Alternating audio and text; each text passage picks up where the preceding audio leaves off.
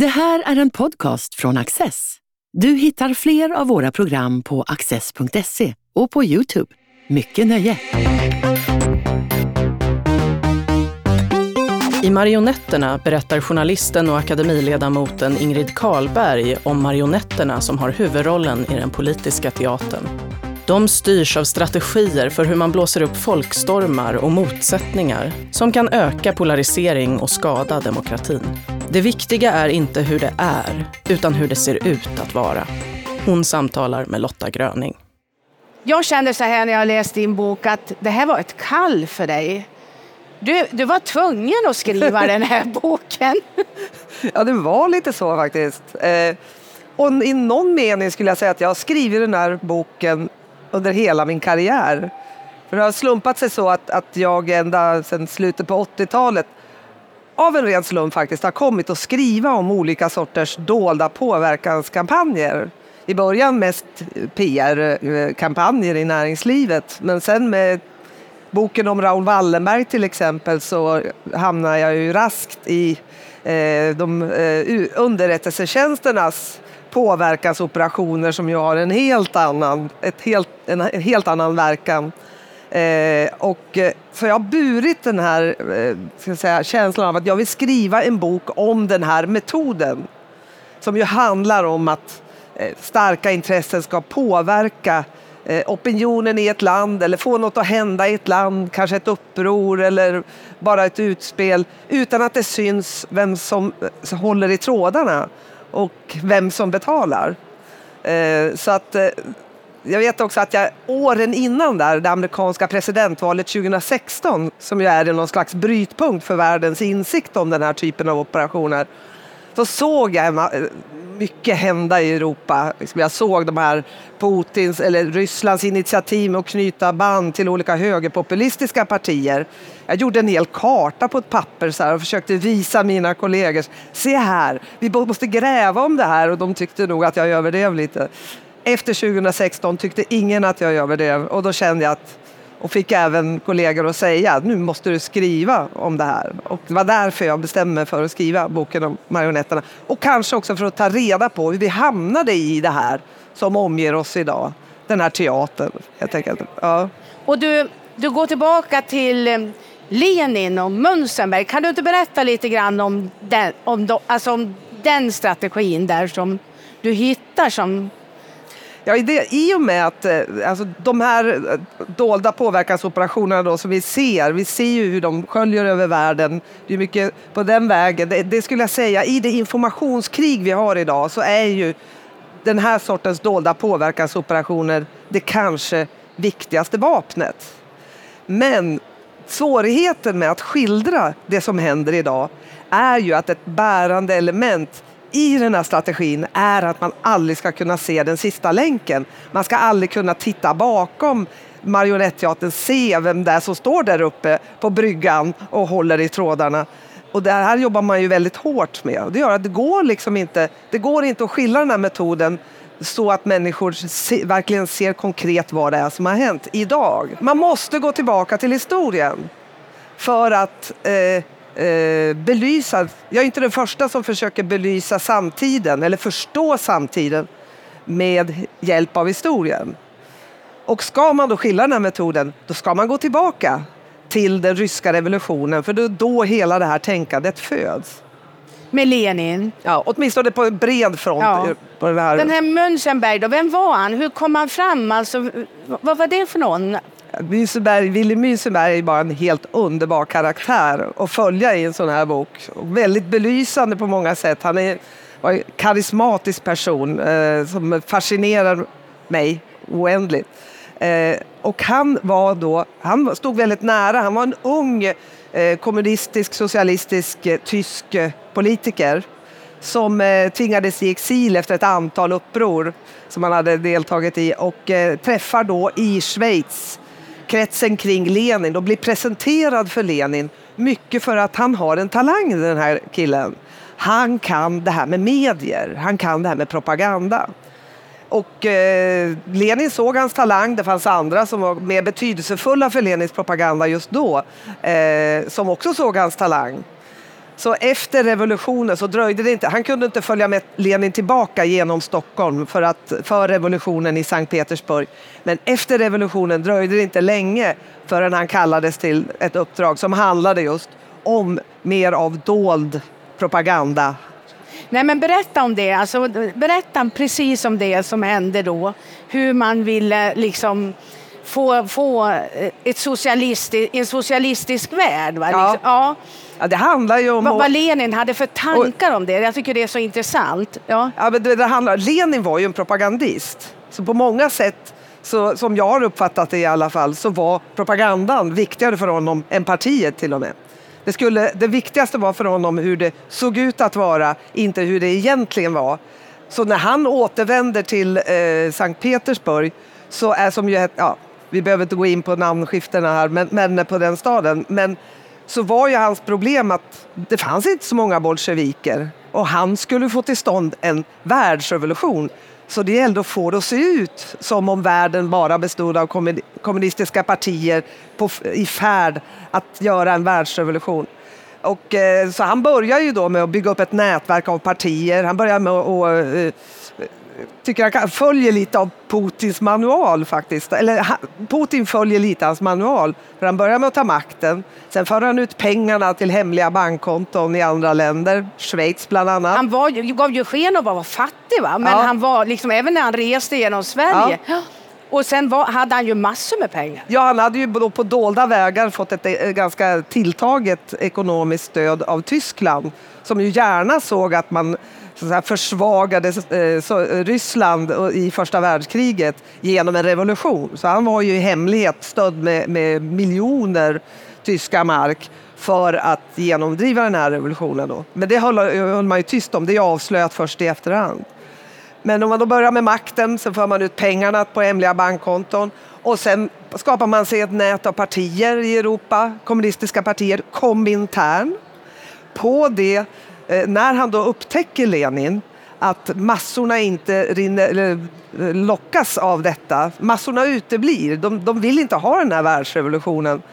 Då inser han att Willy Münzenberg som har talat om att man behöver, man behöver liksom en propaganda som inte så tydligt är styrd från Moskva, som ser ut att vara oberoende. Och där någonstans, nu förenklar jag väldigt mycket, va? men där någonstans inser man att det här, vi behöver komplettera med en opinionsbildning som inte är stämplad eh, Moskva.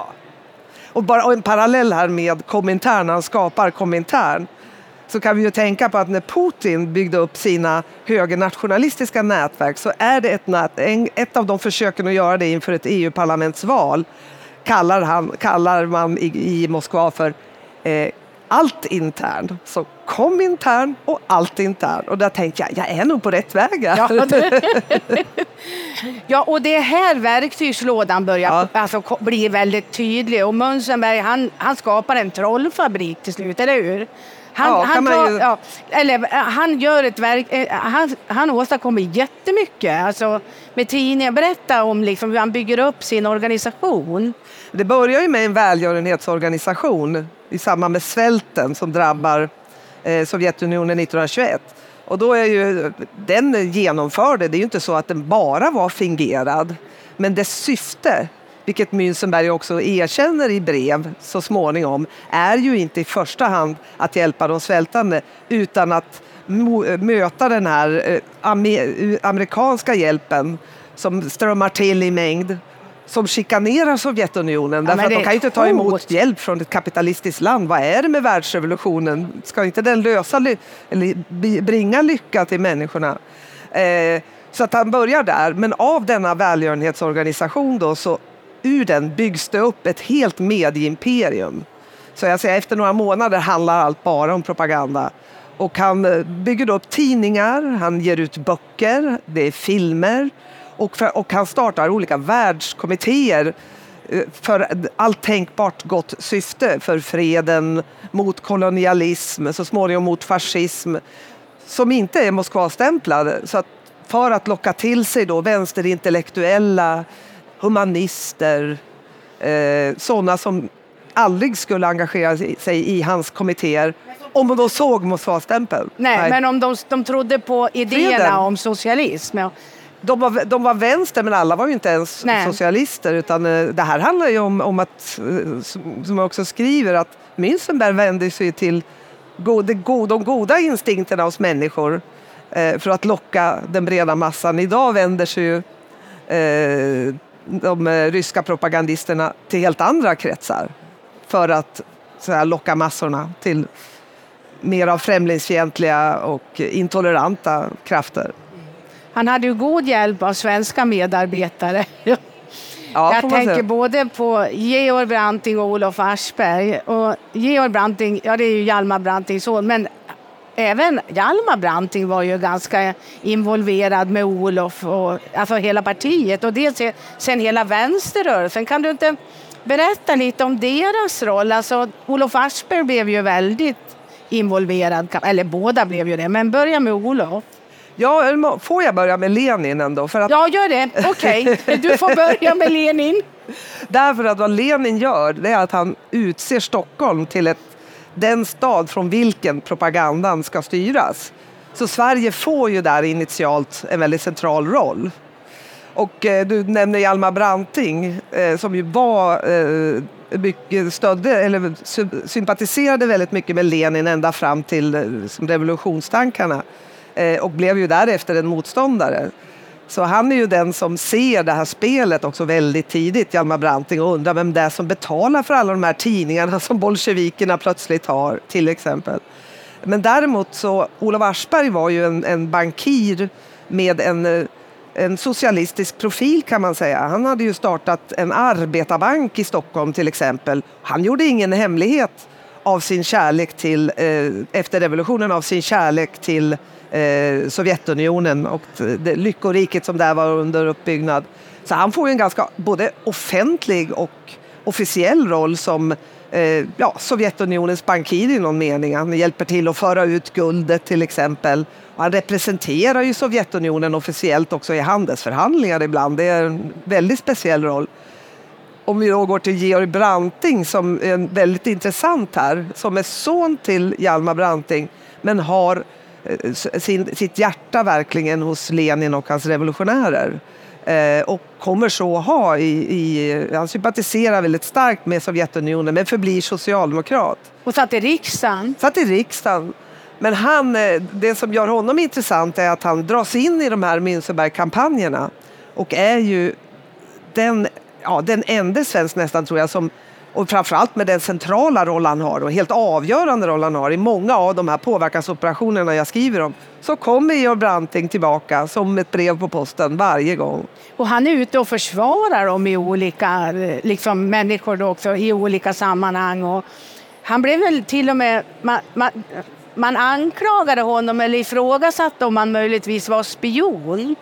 Ja, det gjorde man. Det var ett, ett avslöjande som kom på 50-talet och som Ville Agrell har, bland annat har skrivit om.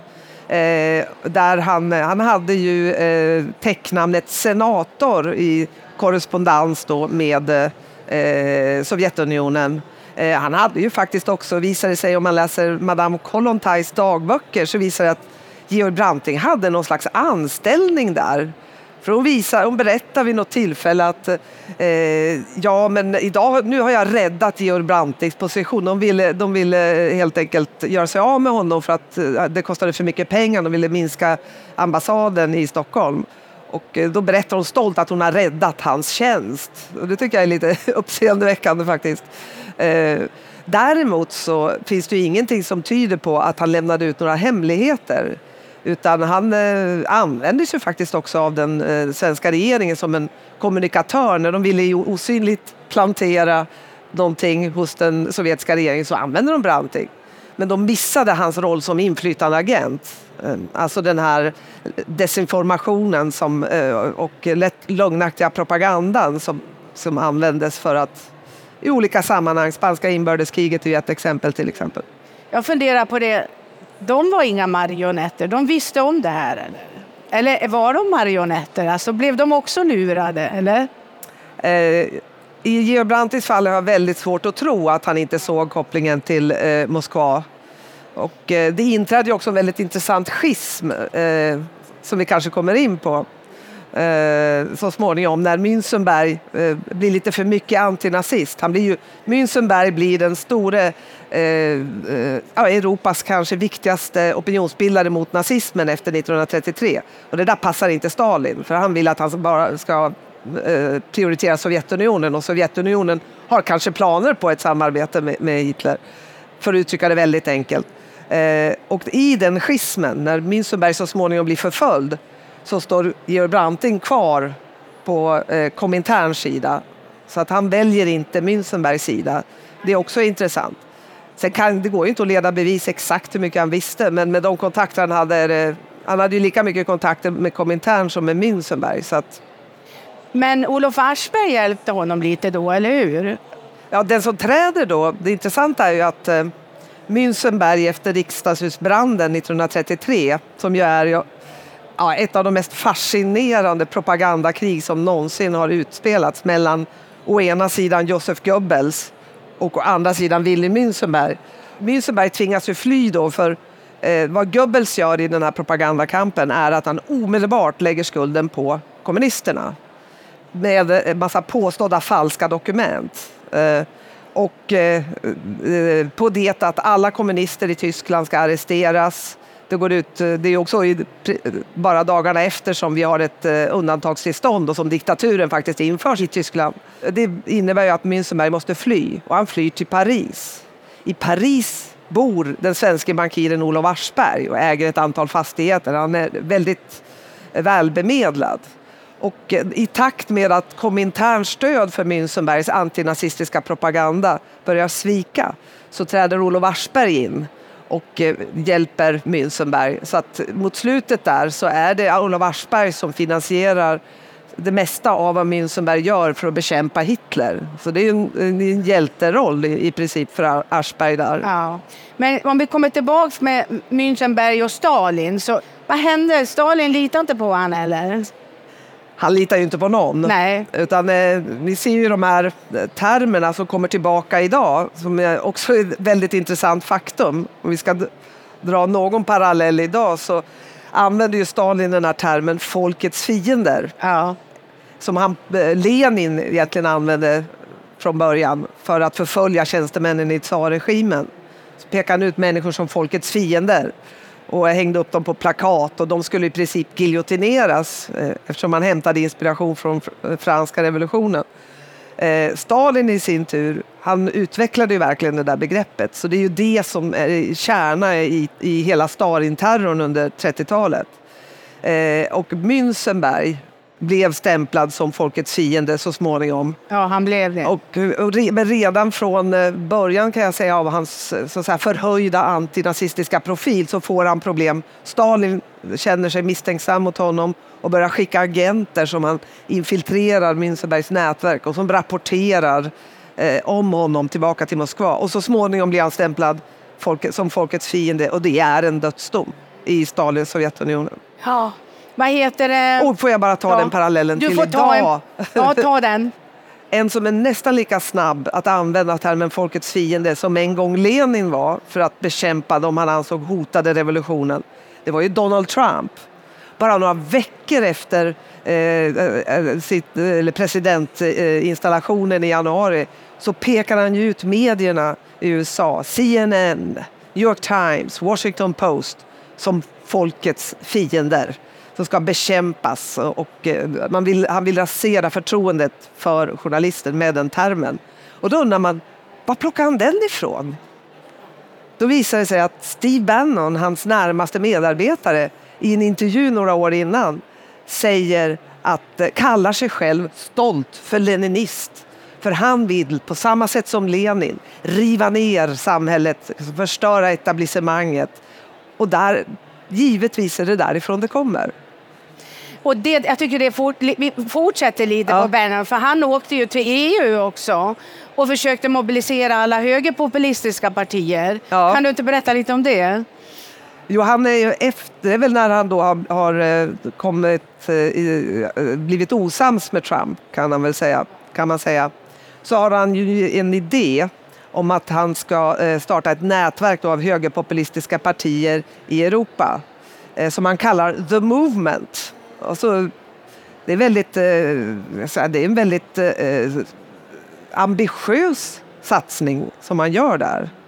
Eh, han, bland annat så, eh, jag vet inte om han investerar i ett slott i Italien eller om man bara får låna det, men han ska ordna liksom stora eh, sammandragningar i, i, på ett kloster, då, ett kloster i Italien.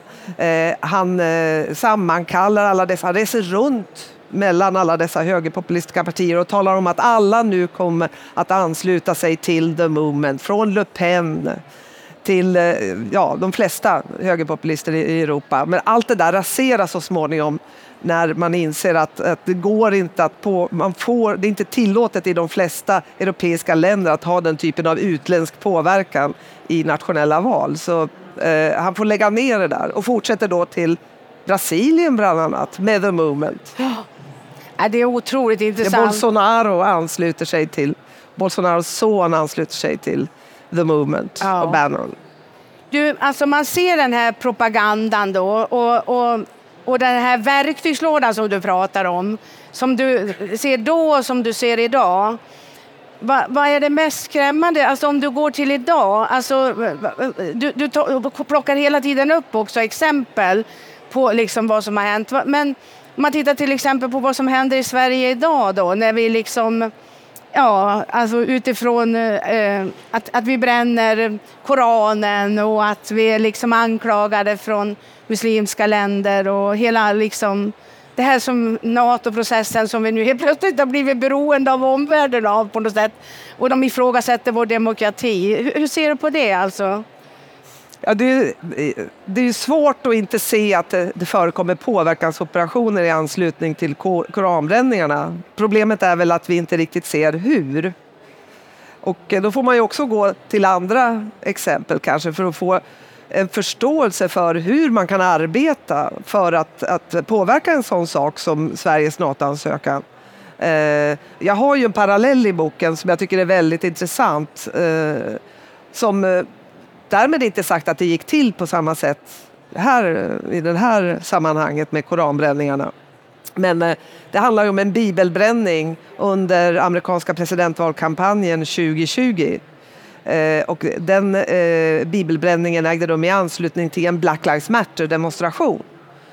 Som, och Black Lives Matter var ju väldigt centrala i den här eh, valrörelsen där Republikanerna ville göra allt för att, att eh, eh, kasta eh, skit helt enkelt på, på Black Lives Matter och visa eh, på deras förstörande effekt på det amerikanska samhället. Så då eldar de på lite i kanten här, de här Black Lives Matter-manifestationerna som ju började med kafferep i princip och sen blev väldigt våldsamma. Och vid ett tillfälle så eh, gör man, eh, tillverkar man en film så i anslutning till en Black Lives Matter-demonstration så ser man då några eh, maskklädda eh, figurer i utkanten av demonstrationen som tänder eld på en bibel. Och så har man mycket nogsamt lagt en, en, ett litet plakat bredvid där det står Black Lives Matter så att det ska framgå av bilden och filmen att eh, den här, eh, det här är minsann vad de ägnar sig åt under en Black Lives Matter-demonstration. De bränner biblar. Eh, problemet var ju att de som demonstrerade såg ju aldrig vad som hände. Det där hände bara i utkanten. Men det blev ju en väldigt vira eh, effektiv viral film av det som retweetades av sådana centrala republikaner som Donald Trump Jr till exempel. Eh, och sedermera då, det som gör det här exemplet intressant är att New York Times borrade i det och upptäckte att den som eh, tog fram den här filmen det var en rysk videokanal och planteringen den ägde rum genom någonting som man kallar informationstvätt, alltså en variant av pengatvätt.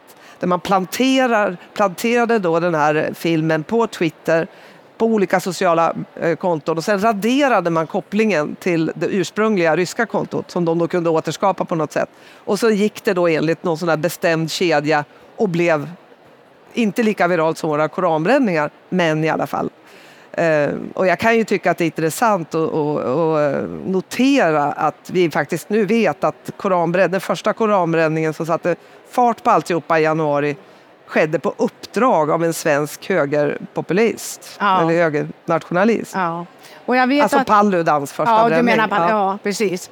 Eh, jag vet också att du säger att journalisterna har ett särskilt ansvar och att vi borde nästan vårda journalistiken mera så att man kan att man på, på olika sätt kan se bakom det här. Jag tycker att det är väldigt tydligt att eh, den viktigaste försvarsmuren som vi har mot den här typen av, av desinformation och hatpropaganda som ju är kärnan också i, i påverkansoperationerna. Att, att eh, som föda ett hat, eh, kortsluta det politiska samtalet och gör, skrämma folk till tystnad. Den måltavla som väldigt ofta hamnar i topp så att säga, i de här kampanjerna är just journalister. Om du tar Donald Trumps angrepp, folkets fiende. Vi har också sett en rad angrepp på svenska journalister. Till att börja med så försökte man ju underminera förtroendet för svenska journalister systematiskt genom att kalla dem gammelmedia som förtiger sanningen. Vi har ett uppskruvat tonläge, har haft under många år ett uppskruvat tonläge i förhållande till professionella, Eh, den professionella kvalitetsjournalistiken. Och det som då, eh, eh, och det har ju bara eskalerat. Idag ser vi ju direkta fysiska hot mot journalister vi har förtalsombudsmannen som systematiskt försöker tysta och skrämma journalister för med uppenbart riggade förtalsprocesser som man inte har en chans att vinna och som bara har som syfte att, att eh, störa och tysta den svenska journalistiken. Och vad, är, vad ska vi göra då? Ja, vi ska ju inte så att säga, haka på det här, den här utvecklingen naturligtvis. Vi måste ju bemöta den. Och jag tycker det är dags att vi börjar bemöta den med ett väldigt ett publikt stöd för kvalitetsjournalistik. Kritiskt tänkande. Ja, naturligtvis, ja, hos ja. varje enskild. Men en enskild människa kan inte själv genomlysa alla dessa kampanjer. Det är omöjligt. Nu vill jag att du läser syftet in, i din bok, för vår tid börjar rinna Oj. ut. du, du entusiasmerar mig så, så jag pratar för mycket. Nej, men det är lite, jag, jag, tycker att Arthur Köstler som då drogs in i de här desinformationskampanjerna, eh, de totalitära propagandan under, eh, under 30-talet, han fångar den här känslan vi har idag av att vi är med om någonting som vi inte riktigt förstår. Och han skriver så här, och det har jag satt som motto för min bok. Världen följde skådespelet med spänning och med samma begränsade förståelse för den verkliga innebörden som små barn har när de ser en komplicerad thriller. Ty världen var ännu inte van vid den totalitära propagandans scentrick, dess fantastiska bluffar och dess lönnmördarmetoder. Där satt den! Tack ska du ha Ingrid Karlberg, tack, tack ska ni ha publiken.